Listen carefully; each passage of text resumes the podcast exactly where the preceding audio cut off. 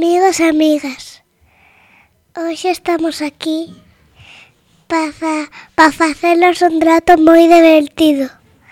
Aos micros. Sofía. Sofía. Erika. Unai. Alex. Daniela. Onte, o mércores 8 de marzo, celebramos Colexio Día Internacional da Muller. Pero como non tiñamos moita información, fomos á biblioteca e limos moitos contos, pero o que máis nos gustou foi o País dos Mandóns. Por que se celebra ese día? Para conmemorar a loita das mulleres con por a igualdade. Que significa esa palabra igualdade? Pois moi fácil, que todos os homens e as mulleres teñamos que traballar xuntos.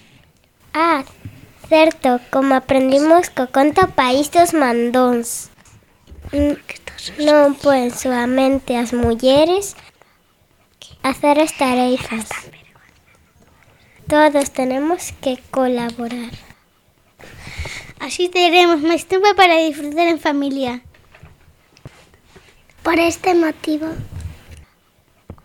todos os nenos e nenas de 5 anos Queremos mandarle un bico gigantesco a todas as mulleres.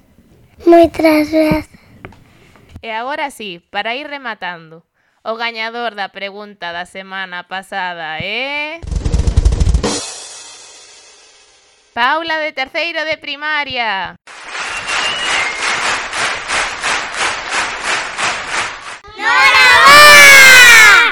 A pregunta de hoxe Que día se celebra o Día Internacional da Muller? Repito, que día se celebra o Día Internacional da Muller?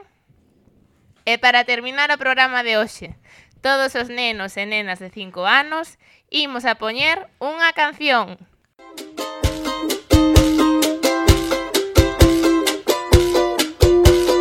Eso que tú me mucho más de lo que pido.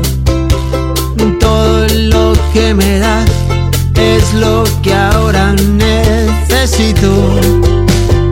Eso que tú me das no creo lo tenga merecido. Por todo lo que me das te estaré siempre agradecido. Así que gracias por estar, por tu amistad y tu compañía. Eres lo, mejor que me ha dado la vida. Por todo lo que recibí, estar aquí vale la pena. Gracias a ti seguí remando.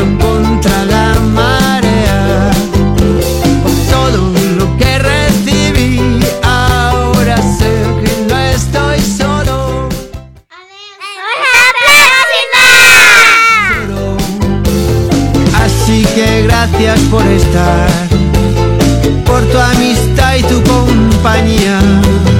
Eres lo, lo mejor.